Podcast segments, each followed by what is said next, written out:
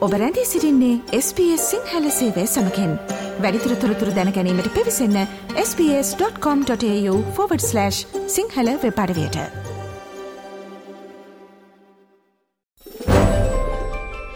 නොතටු සිනමාව. සිනමාවේ නොදුටු පැතිකඩ සොයා යන SBS සිංහල ගුවන් විදිලියේ මාසික සිනමා සංවාදය.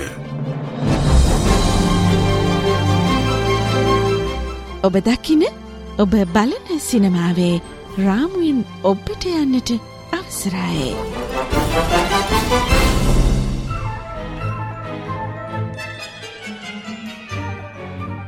සැප්තම්බර් මාසය අවසාන සතිය බ්‍රහස්පතින්දා නොදුර සිනමා විශෂාන්ගේ ආරම්භ කරන්න අපි සූදනම් වන්නේ බ්‍රතාන්‍ය පිළිබඳව තමයි අද දවසේද අපි අවධානයමු කන බලාපොරොත්තු වන්නේ දෙවන එලිසබත් රජිනගේ අභහප්‍රාප්තවීම සහ ඒ සම්බන්ධ කටයුතු පිළිබඳව ලෝකයක් කතාබහාවෙන කාලයක තවමත් Uh, ඉතිං අපි හිතුවක් රජිනවත් අමතක නොකර uh, මේ නොදුරු සිනමාවට රජිනවත් අරං එන්නට. එනිසාම දෙදහස් හයේ තිරගත වෙච්ච ද කයින් චිටපටය තමයි අධි දවසේ අපේ නොදුරු සිනමාවට uh, වස්තුපාදක කරගන්නට බලාපොරොත්තු වන්නේ. අපි අද ආරධනා කර ශ්‍ර ලංකාවේ සිට මේ සදහා සහභාගි වන්නට සිනමා විචාරක විදර්ශන කන්නංගරට විදර්ශන අයිබුවන්න සුබෝදෑසනක් කියල පිළිගන්නවා අයිබන් මදුර සුබෝදෑසනක් හොඳයි විදර්ශන එක්දහස් නමසය අනු හතවසරට තමයි අපි යන්නේ. එක්දසමසය අනු හතේ බ්‍රතාන්‍ය මහමැතිවරණයේදී ටෝනි බ්ලයා සහ ලේබ පක්ෂය නැතම් කාම්කරු පක්ෂය ප්‍රත්සංස් කරන සහ නවීකරණය පිළිබඳ ප්‍රතිපත්ති ප්‍රකාශයක් මත බලයට පත්වෙනවා ඒ වගේම මාස හතරක් යන්නට කලින් වේල්ස් කුමරිය වන ඩයනා කුමරිය පැරිසියේ උමම්මාර්ගයක සිද්ධ වෙච්ච රියානතුරකින් මිය යනවා. ඒ වහාම ඇගේ මරණයගේ හිටපු සැමිය වන චාල්ස් කුමරුට සහගමැති ටොනි බ්ලයාට තවදුරත් රාජකීය පවුලේ සාමාජිකයකු නොවන අනාගත රජකුගේ මවක් ලබාදීම ගැටලුවක් කරගන්නවා. ඉතිං ඩයනකුමරියට රාජකී අවසන් බුහමන් දැක්වීමට දෙවන එලිසබත් රජන ප්‍රමුඛ බකිංහම් මාලිකාව මුලින් විරුද්ධ වනවා නමුත් එවකට හිටපු බ්‍රතාාන අග්‍රමාත්‍යවරය ටෝනි බ්ලයාගේ මැදිහත්වීම මත දෙවන එලිසබත් රජන අවමංගල්ල සැලසුම් පිළිබඳ ඇගේ අදහස් නැවත සලකා බැලීමට උත්සුක වනවා. ඒ අතරතුරේදි ලායනගේ පවුලේ අය ස්පෙන්න්ස පවුල උදවිය මේ අවමංගල කටයුතු පුද්ගලිකව සිදු කරන විදිහට ඉල්ලා සිටිනවා. කොම නමුත් ඩයනාකුමරේගේ මරණයෙන් පස්සේ දෙවන එලිසබත් රජින කිසිවකුත් කලින් නොසිතු සිදුවීම් මාලාවකට ප්‍රතිචාර දැක්වීම සමග තමයි මේ චිත්‍රපටය ඉදිරියට කලාගෙන යන්නේ අපි කතා කරන්නේ දෙදහස් හයේ අතිරගත වෙච්ච දෙකුයින් චිත්‍රපටය. ඉතිං රජින පිළිබඳව බ්‍රතාන්‍ය රජ පවුල පිළිබඳව බ්‍රතාන්නේ රාජකය කිරීටය සම්බන්ධයෙන් මේ දිනවල වැඩිපුර කතා භාවෙනවා විදර්ශන එනිසා ද කුයින් චිත්‍රපටය හරහා බ්‍රතාන්‍ය රජ පවුලේ ඇතුලාන්තය දෙවන එලිසබත් රජන මූලික කර ගනිමින් සිනමාවට හසු කරගෙන තිබීම ඔබේ විග්‍රහයට හසුවන්නේ කොහොමද කියලා මමුලින්ම දැනගන්නට කැමතිේ. මේ අපි චිත්‍රපටි ආරම්භයම දකිනවා. ඩයන කුමාරියගේ මරණයටත් කලින් සිටම යම් කිසි ආකාරයකට අපි මහිතන මේක දේශපාලනික වටහා ගන්න ඕනේ. ඇතරම මේ චිත්‍රපටිය කේන්ද්‍රීය චරිත දෙක වෙන්නේ ටෝනි බ්ලෙයා සහ එවැනි එලිසබත් රජින කියලා අපි ගත්තොත්.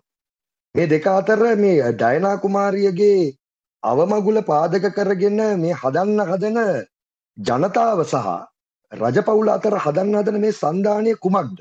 මං හිතනවා මේ ද ක්වීන් චිත්‍රපටිය අපි වටහා ගන්න නම් මෙන්න මේ යටිපෙළේ තියෙන දේශපාලන මොහොත අපි යම් කිසි විදිහකට කියවා ගැනීමකට ගන්න ඕනේ කියලා. මම ඒක පොඩ්ඩක් කැමතියි මම මෙහෙම කියන්න. දැන් ලේබ පක්ෂය කියලා කියන්නේ බ්‍රිතාන්‍යයේ යම් කිසි විදියකට වාමාංශික අපි කියනවා රාජ්‍ය සුබසාධනය මත පදනම් වෙලා සමාජයට යම් කිසි විදිහේ රාජ්‍ය ආරක්ෂණයක් සහිතව රාජ්‍යයේ යම් කිසි ආකාරයකට වියදම් නැත්නම් නිදහස් අධ්‍යාපනය නිදහස් සෞඛ්‍ය ඔය වගේ කියන සුබසාධන තත්ත්වයක් මේ ආරක්ෂා කර දීමේ ඒකට අදාළ පක්ෂයේ විදිහට තමයි ලේබර් පාර්ටි එක තියෙන්නේ. දැන් ඕකටම ප්‍රතිවිරුද්ධ එක තමයි අපි ගත්තොත් මාග්‍රට් ටැචර් මාග්‍රට් තැචර් කියලා කියන්නේ මේ සියලුම සමාජ වියදම් කප්පාදු කරලා රාජ්‍ය සුපසාධනය හකුලවලා වෘත්තීය සමිති ව්‍යාපාරය මර්ධනය කරලා හරියට නිකන් අපි ගත්තොත් දැන් රනිල් වික්‍රමසිංහ වගේ අද දවසේ.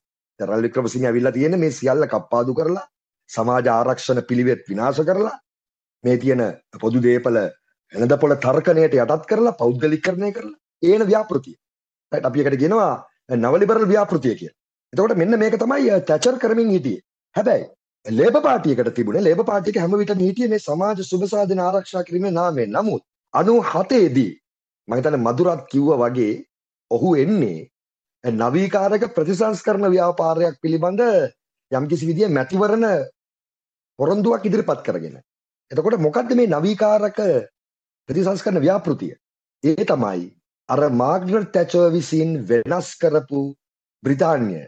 ඒ කියන්නේ වෙළඳපොළ සහ පවුල සහ පරිභෝජනත්වය සහ නිදහස් වෙළඳපොළ නැත්නම් නවලිබරල් වාදය මේ සියල්ලට විවෘත කරපු බ්‍රිතාන්‍ය ලෝකයක තමයි කම්කරු පක්ෂය ටෝඩි බ්ලෙයා බලයට එන්න 97.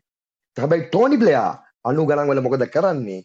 මෙන්න මේ හැටිවෙච්ච මේ මාග්‍රට් තැචර් හරහා බ්‍රිතාන්‍ය ඇතිවෙච්ච නව ලිබරල් සම්මුතියට අවශ්‍ය විදියට බ්‍රිතාන්‍ය කම්කරු පක්ෂයත් ක්‍රමයෙන් හැඩගැහෙන්න ගන්නවා. හරි? එතකොට අපිට කියන්න පුළුවන් වාමාංශික අදහස් දැරපු ප්‍රගතිශීලී පක්ෂයක් වෙච්ච ලේබ පක්ෂය ටෝනි බ්ලෙයා හරහා අර මාග්‍රට් තැචර් හරහා විකාශනය වුණු නව ලිබරල් ව්‍යාපෘතිය සමග 97 වෙනකොට සම්මුතිගත වෙනවා. ඒකත් එක්ක අනිත් පැත්තේ තියෙනවා රජ පවුල. එතකොට රජ පවුල කියලා කියන්නේ බ්‍රිතාන්‍ය කොයිතරම් නූතනවාදී වුණත් ඒ කියන්නේ බ්‍රිතාන්‍ය කොයිතරම් අර කියන වැඩවසම් අතීතේ කැඩිලා යම්කිසි විදිහ අලුත් ලෝකයක් එක්ක සම්බන්ධ වුණා. බ්‍රිතාන්‍යයේ තවදුරටත් මම දන්නවා අපි ඊයේ පෙරේදාත් අපි දැක්කා බ්‍රිතාන්‍ය රජුගේ මරණයත් එක්ක මේ වැඩවසම් පැරණි රාජ්‍යත්වයේ උරුමය ඒගොල්ලෝ එක තැනක නඩත්තු කරනවා. රයිට් ඒ කියන්නේ හිතන්න ජනතාව එක තැනක හිටියා. ඒ කියන්නේ රජ පවුලෙන් බ්‍රිතාන්‍ය ජනතාව යම් පුරවැසි අදහසක හිටියත් රාජ්‍යත්වය පිළිබඳ පෞරාණික උරුමය පිළිබඳ යම් කිසි ස්ථානයක් බ්‍රිතාන්‍ය රැකලා තියෙනවා. එතකොට ඒක අපිට කියන්න පුළුවන් ගතානුගතිකයි කියලා. රයිට් ඒ ගතානුගතික ආයතනයක් ඒක රජ පවුල. එතකොට දැන් ටෝනි බ්ලෙයා මේ චිත්‍රපටියේ ඩයනාගේ මරණයත් එක්ක ඒ මරණයට අවමංගල උත්සවයක් අරගෙන ඒකට අවශ්‍ය වෙන ඒ අවමංගල චාරිත්‍ර කරන්න එලිසබත් රැජින ඇතුළු රජ පවුල ප්‍රතික්ෂේප කරන තත්ත්වයක් තුළ ටෝනි බ්ලෑ උත්සාහ කරන්නේ අර ජනතාව ඉන්න තැනයි අර ගතානුගතික රජ පවුල ඉන්න තැනයි ආටිකියුලේට් කරන්න. එකට සන්ධි කරන්න. එතකොට සන්ධි කිරීම පිටිපස්සේ තියෙන්නේ මගේ විග්‍රහය අනුව එක්තරා ගැඹුරු දේශපාලන ව්‍යාපෘතියක්. ඒ තමයි නවලිබරල්වාදී ආර්ථික දේශපාලන ප්‍රතිසංස්කරණ කිරීම සඳහා. ඒ සඳහා අවශ්‍ය වෙන ප්‍රධාන වෙනසක් කරන්න අවශ්‍ය වෙන තමයි රජපවුල මේකට කැමති කරවා ගැනීම. රයිට්? ඒ කියන්නේ රජපවුලේ ඉන්න ගතානුගතික පැරණි ලෝකයක නම් ටෝනි බ්ලෙයාගේ කම්කරු පක්ෂය මේ අලුතෙන් නවීකාරක නාමේ අරන් එන්න හදන මේ වෙළඳපොළ නවලිබරල්වාදී දේශපාලන ව්‍යාපෘතියට මේ රජපවුල නැවත ගැට ගහන්න මෙන්න මේ සංදිස්ථානමය මොහොත තමයි චිත්‍රපටිය අපිට යටිපෙළ විදියට කියව ගන්න වෙන්නේ. රයිට්? චිත්‍රපටිය අපි දකිනවා ජනතාව තාම දැඩි අවධාරණයෙන් කියනවා මේ ඩයනා කුමරිය මේ ඔවුන් හඳුන්වන්නේ ජනතාවගේ කුමරිය. ඉතා මහජන කුමරිය. මේ අය කියලා. ඇයි ඉතාම ජනප්‍රියයි. එකට හේතුව තමයි අය රජපවුලේ තියෙන අර අදාන ග්‍රාහී. තම සම්ප්‍රදායික ඒ චාරිත්‍ර වාරිත්‍ර වලට හෝ ඒ පවුල්වාදයට යටවෙන්නේ නැතුව අය බොහෝ විට නිදහස්වාදී සමාජයේ ජනතාව වෙතට යම්කිසි විවෘත වෙච්ච ඒකම යම්කිසි විදිය පුණ්‍ය කර්මයන් කරමින් ඉවතර නිදහස් ගෑනියක් එතකොට මෙන්න මේ නිදහස් ගෑනියට බ්‍රිතාන්‍ය ජනතාව තුළ ආදරයක් තිබ්බා. එතකොට මෙන්න මේ රජපෞල සහ ඩයනා කුමරිය අතර තියෙන මොකද විරසකය සහ පරස්පරය තමයි මම හිතන්නේ චිත්‍රපටයේ කේන්ද්‍රීය තැන වෙන්නේ.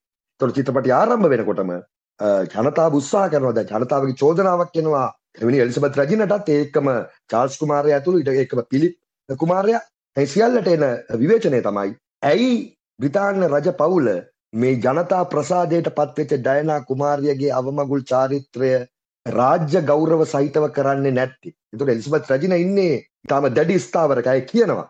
මේක අපේ පෞද්ගලික ප්‍රශ්නයක්. ඒක රාජ්‍යත්වය පිළිබඳ බ්‍රිතාන්‍ය පිළිගත් සම්ප්‍රදාය ප්‍රශ්නයක් නෙමෙයි. අපි කියනවා ප්‍රොටෝකෝල් වල.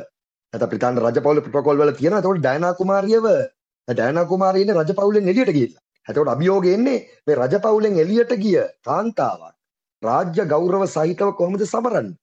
රයිට් හැබැයි ජනතාව කියන්නේ නැහැ ඇය සමරිය යුතුයි. එතකොට ටෝනි බ්ලෙයා කරන්නේ මෙන්න මේ විරසකයේ සමනය කරන්න හදන උත්සාහය චිත්‍රපටය පුරාම අපිට දක්නට ලැබෙනවා.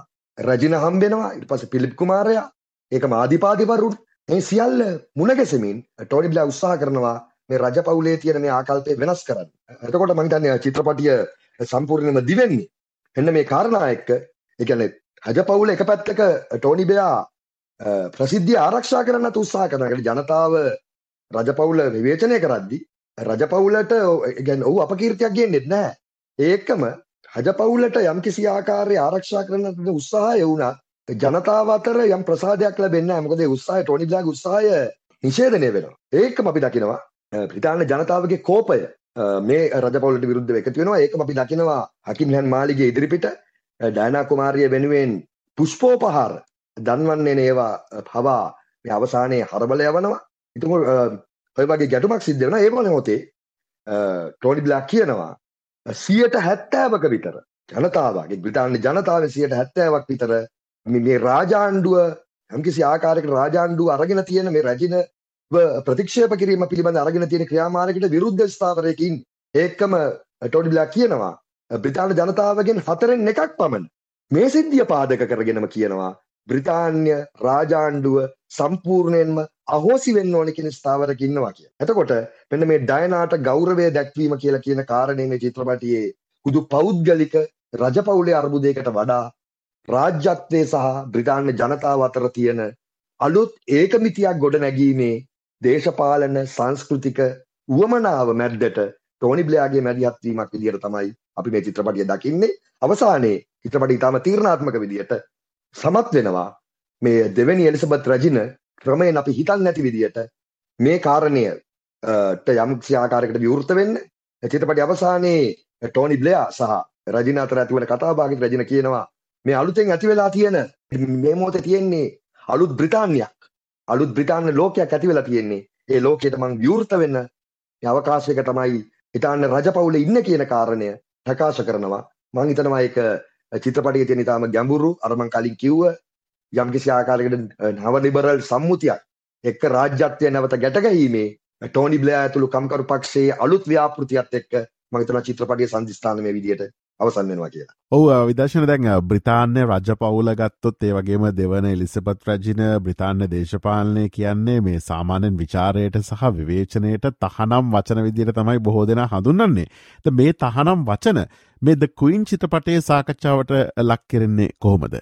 ඔව මතන චිත්‍රපටයේ අවස්ථා ගොඩක් තියෙනවා අපි දංගා දක්කොත් මදුර මේ චිත්‍රපටිය එක පැත්තක බොහොවිට මේ රජ පවුලේ තියෙන බකින්නම් මාලිගාව ඇතුළු මේ මන්දිර ඇතුලේ මහිතන් පුද්ගලික අවකාශය මේ චිත්‍රපටියේ විවෘතව පෙන්නනවා. ඒතකොට ඒක සාමාන්‍යයෙන් ටිකක් මම හිතන්නේ ආందోලනාත්මක එකක් මේ චිත්‍රපටියටත් යම් මම හිතන ආందోලනයක් ඇති වෙච්ච තත්වයක්. මොකද බ්‍රිතාන්‍ය රජපෞල මේ හැම විටම පෙන්වන්නේ උත්කර්ෂවත් රාජ්‍යත්වයේ ප්‍රතිමූර්තියක් විදියට. එතකොට ඒක මොකද ඒක අභ්‍යන්තර සාධක ඒ තරම් අනාවරණය වෙන්නේ නැහැ. ඒ රජපෞලේ අභ්‍යන්තර පෞල් ජීවිතය ගත වෙන විදිය සමාජයට එතරම් විවෘත වෙන්නේ නැහැ. නමුත් මේ චිත්‍රපටි අවස්ථා ගොඩක් මේ අපිට දක්නට ලැබෙන විශේෂයෙන්ම ජනතාව. මේ රජපෞල විසින් ඩයනා කුමාරියගේ අවමගුල ස්මරණය නොකිරීමට දරන අදහසට විරුද්ධව ජනතාව පෙළගැහෙන ආකාරයක්. විශේෂම මන්දිර වටේ ඒකම මේ රජපෞලේ ඉන්න රාජ්‍ය නිවාස වටේ ජනතාව ඒකරාශී වෙන ආකාරයන් සහ ජනතාවගේ විරෝධයන් සංවිධානය වෙන ආකාරයන් චිත්‍රපටිය පෙන්නනවා එලිසබත් රජනගේ දැක්මෙන්. රයිට් ඒ කියන්නේ දෙවෙනි එලිසබත් රජනගේ දැක්මෙන්. ඒ කියන්නේ විශේෂයෙන්ම කවුළු මතින්. කියන මාලිගය තුල ඉඳලා මේ ජනතාව එන එක දිහා බලන දර්ශනවලින් සහ රයිට් එතකොට අපිට පෙන්නනවා මෙන්න මේ. ඒ කියන්නේ අපි සාමාන්‍යයෙන් දකින්නේ ජනතාවනේ ජනතාවනේ රජපෞලට එබී බලන්න මේ ආශාවක ඉන්නේ. රයිට් එතකොට ජනතාව තමයි උනන්දු වෙන්නේ. මොකද්ද රජපෞල ඇතුලේ වෙන්නේ? හැබැයි මේ චිත්‍රපටියේ මෙන්න මේ දැක්ම ගේස් එක මේ චිත්‍රපටිය ඇතුළෙම තියෙනවා. චිත්‍රපටයේ විශාල කොටසක් වැය වෙන්නේ මේ ජනතාවගේ ගේස් එක. අපි ගේස් එක කියලා කියන්නේ සිනමාවේ ඊටම වැදගත් කාරණයක්. ඒ කියන්නේ අපි අපි යම්කිසි ආකාරයක අපේ අනේකා රයිට් අපේ අනේකා වෙතට ඇතුල් වෙලා අනේකා වෙත අපි දකින ෆැන්ටසියට ඔබ්බෙන් ගිහිල්ලා අනේකාගේ කලාපයට අපි ඇතුල් වෙලා අන්නේ මොහොත ඉගෙන අපි යම්කිසි ආකාරයකට පරිකල්පනය කරනවා නම් අන්න ඒක තමයි අපි ගේස් එක කියලා කියන්නේ. එතකොට මේ චිත්‍රපටියක තියෙනවා. එතකොට චිත්‍රපටියේ තියෙන අභ්‍යන්තර රහස් නැත්නම් පුද්ගලික ජීවිතය ඇතුලේ ඇයි මේ ඩයනා කුමාරියව ප්‍රතික්ෂේප වෙන්නේ? රයිට් ඒකට තියෙන ආතතිය. රයිට් ඒකට තියෙන පුද්ගලික ඊටාම අපිට කියන්න පුළුවන් මානසික ආර්ථිකය.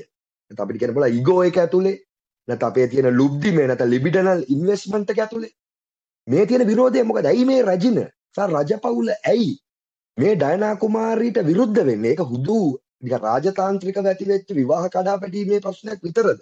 හරි ඊට එහා ගිය එන්ජොයිමන්ට් එකට අදාළ විනෝදයට වින්දනේ ඒ පීඩාවට අදාළ මානයක් මේ චිත්‍රපටියේ තියෙනවා. ඒ රහස් මානයන් මේ චිත්‍රපටියේ තියෙනවා. මම හිතන්නේ දැන් ටෝනි බ්ලෙයා චිත්‍රපටියේ දිගටම හැදියත් වීම ඇතුලේ පිටින් විට ඇවිල්ලා කියනවා. මේ අවම වශයෙන් රාජකීය රජය අඩගොඹු කිරීමක්වත් කරමු. නමුත් අපි දකිනවා චාල්ස් කුමාරයා ඒකම පිලිප් කුමාරයා මේ සියල්ලන්ම ඉන්නේ ඒ චාරිත්‍රයට පවා යන්න සූදානම් නැති මනෝභාවයක. එතකොට ඒක ඇත්තටම සිද්ධ වෙන්නේ අපිට ඉඟි කරනවා චාල්ස් කුමාරයා එකම ඩයනා කුමාරිය අතර තිබ සම්බන්ධය ආතතිය. ඒක මොවුන්ගේ පවුල ඇතුළේ තිබුණු විශේෂ මෙලිස්බත් රජිනත් එක්ක අපි දකින සම්ප්‍රදායික කුඩුම්බයක් ඇතුළේ මේ ඇති වෙන්න පුළුවන් කාරණය. ඒ අර්බුදය ඒ චිත්‍රපටිය පෙන්නනවා. ඒ නිසා මම හිතනවා චිත්‍රපටිය යම් ආකාරයකට ඒ රජපවුලේ රහස් සහ ඒ අපකීර්තිමත් තත්ත්වයන් චිත්‍රපටියේ මං හිතනවා පෙරබිමට ඒක ජනතාවගේ දැක්ම වෙතට ඉතාම තීක්ෂණව අරන් ඇවිල්ලා තියෙනවා මං අතිරේක කාරණයක් විදිහට මං හිතන්නේ මේ චිත්‍රපටියේ අධ්‍යක්ෂණය වෙච්ච يعني ස්ටීවන් ෆ්‍රියස් අධ්‍යක්ෂවරයා මේ බ්‍රිතාන්‍යයේ මේ තියෙන රාජ්‍යත්වය සහ පන්ති ක්‍රමය සහ ඒක ඇතුලේ තියෙන අභ්‍යන්තර ගැටලු කියන්නේ ඔහු චිත්‍රපට කිහිපයකින් ඔහුම නිර්මාණය කරපු චිත්‍රපට කිහිපෙන් එළියට අවිල්ලා තියෙනවා එකක් තමයි my uh, beautiful හොන්රේට් කියන චිත්‍රපටිය ඒකම ඩර්ටි ප්‍රිටි තිංස් කියලා ෆිල්ම් එකක් ඔවුන් නිර්මාණය කරනවා.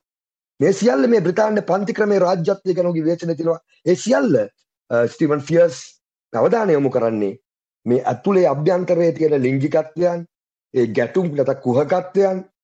මේ සියලු කාරණා අනාවරණය වෙන ආකාරයෙන් තමයි ඔහු චිත්‍රපටි ගොඩනගන්නේ. එහිම දිගුවක් විදිහට තමයි අපිට මේ 2006 නිර්මාණය වෙච්ච කුයින් චිත්‍රපටිය හඳුනගන්න පුළුවන් වෙන්නේ ඔහු විදශන අපි අවසාන වශයෙන් සකච්ඡාවට බඳුන් කරමු මේ දක්කුයින් චිත්‍රපටයේ දෙවන එලිසපත් රජනගේ චරිතයට පනපුවන හෙලන් මිරෙන් පිළිබඳව. ඇයට දෙදහස් සය වසරේ ඔස්කා සම්මානුලේ සහ විශේෂම ගෝල්ඩන් ගලෝබ් සම්මානුලේ හොඳම නිලියට හිමි සම්මානදිත්තේ හිමිෙන ඇතින් මේක එසේ මෙසේ කාරණාවක් නෙවේ මේ චරිත නිරූපණය තිබෙන සුවිශේෂීතා ඔබ හඳුනාගන්න කොහොමද? ඔව මදුර මම හිතන්නේ ගෝල්ටන් ගලෝබ් විතරක් නෙවෙයි. ඇයට විශේෂම මොකද බැෆ්ටා එකේ වෝට්ස් ලැබෙනවා. එකම ලෝකයේ ප්‍රධාන සම්මාන කීපයකද මේ චිත්‍රපටි අනුහය පාරක් විතර ජයග්‍රහණ ලබනවා. ඇයි සියල්ලේම මේ හෙලන් නිරෙන් පරවදල් ප්‍රසාදයට සහ සම්මානයට පාත්‍ර වෙනවා සහ තැවෙනි එලිසබත් රජින පවා. මේ ජයග්‍රහණයන්ගෙන් මේ වෝට්ස් ගත්තට පස්සේ ඇයට ආරාධනා කරනවා. අකින් හැම් මාලිගාවට එන්න කියලා රාත්‍රී සාදයකට පවා. ආරාධනා කරන නමුත් ඇයට සභාගි වෙන්න වෙන්න හොලිවුඩ් චිත්‍රපටිය සම්බන්ධයෙන් අය කාලය වෙන් කරගෙන තිබීම නිසා. මහිතන්නේ මේ චිත්‍රපටිය ඇතුළේ ඉතාම ඉතාම සීරු මාරු රංගනයක් ඇය කරන්නේ හෙලන් මිරෙන්. මොකක්ද හේතුව? එකක් අර සාමාන්‍ය අපට චිත්‍රපටිය ආරම්භිදලම පෙන්න්නනවා මේ රාජ්‍යත්වයේ. ප්‍රතාන්ඩ රාජ්‍යත්වයේ අර තියෙන අභිමානවත් පෞරුෂය. තාම ගතානු ගතිගේ පෞරුෂය නියෝජනය කරන රූපයක් තමයි මේ හෙලන් මිර චිත්‍රපටි ආරම්භයේ සිනමා රංගනයට ගේන්නේ. එතකොට ඇය කිසිදු කොන්දේසියක් මත මේ ඇතිවන විශේෂම ඩයනා කුමරියගේ අවමංගුල්ල සම්වාදය ඇතිවන මේකදී අය ඉන්නේ තාම අචල තැනක. එතකොට මේ අචල ස්වභාවය ඒ කියන්නේ ඒ කියන්නේ අචල අනම්‍ය අර ගතානුගතික රජින පිළිබඳ මානයක් චිත්‍රපටියේ කියන්නේ හෙලන් මිර එක ආරම්භයේ ඉඳලම පෙන්වන්න උත්සාහ කරනවා. ඒකම හෙලන් මිර එක්තරා විදියක මේ සාමාන්‍ය තමන්ගේ ජීවිතය ඇතුලේ සීමාව ඇතුලේ යම් නිදහස්වාදී චලනයකත් ඉන්නවා. නමුත් චිත්‍රපටයේ තියෙන වැදගත්ම මානය තමයි හෙලන් මිරන්ගේ චරිතයට පුළුවන් පුළුවන් වෙනවා මෙන්න මේ රාජකීයත්වයේ එලිසබත් රජනගේ අර තිබ්බ අර තිබ්බ දෘඩ ඉතාම දැඩි ඒ ස්වරූපය ක්‍රමයෙන් සංවාදයන් එක්ක ඇතිවන ජනතාවගේ පෙළගැසීම් එක්ක ක්‍රමිකව පරිවර්තනයට ලක් වෙන ආකාරය. ඒකට අවශ්‍ය වෙන ක්‍රමිකව පරිවර්තනය වීමත් එක්ක ඇගේ ශරීරයෙන් නැත්නම් ඇගේ හඬ ඒකම ඇගේ නිරූපණයන් වලින් මෙන්න මේ වෙනස්කම් සිද්ධ වෙන ආකාරය ඉතාම නිර්මාණශීලිව සිනමාත්මකව හෙලන් මිර හමත්වෙනවා හැවෙන එලිසබත් රජනගේ චරිතය හරහා නියෝජනය කරන්න මංහිතනවා ඉතාම අසීරු රංගනයක් අය කර ඒක අයට මේ සම්මානය ලැබෙන මොකද චරිතයක මනෝභාවය සා චරිතයක පෞරුෂය ඒ චිත්‍රපටියට අදාළ ඇතිවන සිදුවීම්වල ක්‍රමික පරිවර්තනයත් එක් අරකිව්ව සිනමාත්මක චරිතමය පෞරුෂය වෙනස් වෙන්නේ කොහොමද කියන ඒ විකාශනය පෙන්වීම මතන ලේසි පාසු දෙයක් නෙමේ මෙන්න මේ අභියෝගාත්මක ඒ මොහොත හෙලන් මිරන් හමන් සන්තක කරගන්නවා. ඇයට පුළුවන් වෙනවා අවසානයේ ජනතාවගේ ජනතාවගේ මේ ජනප්‍රියවාදී මේ ආරාධනාව පිළිගන්න. එක්තරා මොහොතකයි කියනවා ජනතාවගේ හිස්ටීරියාවට. නැත ජන හිස්ටීරියාවටම යටත් වෙන්නේ නැහැ කියලා. එහෙම කියන ගෑණිය අර ප්‍රතාපවත් ගෑණිය අවසානයේ මේ අලුත් ලෝකයේත් එක්ක මේ අලුත් බ්‍රිතාන්‍ය පුරවැසි සමාජයත් එක්ක අනන්‍ය වෙන්න ගන්න ඊටම නම්‍යශීලී උත්සාහය මම හිතනවා මේ චිත්‍රපටියේ හෙලන් මිරෙන් විසින් ඒ පරිවර්තනය සිනමා කෘතියක් ඇතුලේ ඊටම කදිමට අපිට පෙන්නනවා මම හිතන්නේ ඒක තමයි ඇය විසින් මේ රංගන මේ චිත්‍රපටියට දක්වන බරපතල රංගන දායකත්වය කියලා. හොඳයි මෙවර නොදුර සිනමා විශෂාන්ගේට අපි තෝරා ගත්තේ ද කයින් ඉංග්‍රිස් චිරපට දෙදහස් හයවසර එතර කත වෙච්ච විශෂම දෙවන එලිසබත් රජිනගේ අබහ ප්‍රාප්තීමත් සමඟ තමයි මේ චිරපටය අපි නිමිත්ත කරගත්තය අද දවසේද අපි සාකච්ඡාවට සම්බන්ධ කරගත්තේ ශ්‍ර ලංකාවේ සිට සිනමා විචාරක විදර්ශන කන්නංගර. විදර්ශන අපි බොහොමත්ව ස්තුතිවන්ත වෙනවා අපි ලබන මාසය අවසාන සතිය බ්‍රහස්පතින්දා නැවතත් හමුවමු නොදුරු සිනමා විශිෂාන්ගෙන් සුබ දවසක් ප්‍රාර්ථනා කරනවා. නොදුටු සිනමාව සෙලියලොයිඩ් පටයෙන් පිටපැන යථාර්ථය පිටපත් කරන SBS සිංහල ගුවන්නුදිලේ මාසික සිනමා සංවාදය ලබන මාසේ අවසාන බ්‍රහස්පතින්දාත්.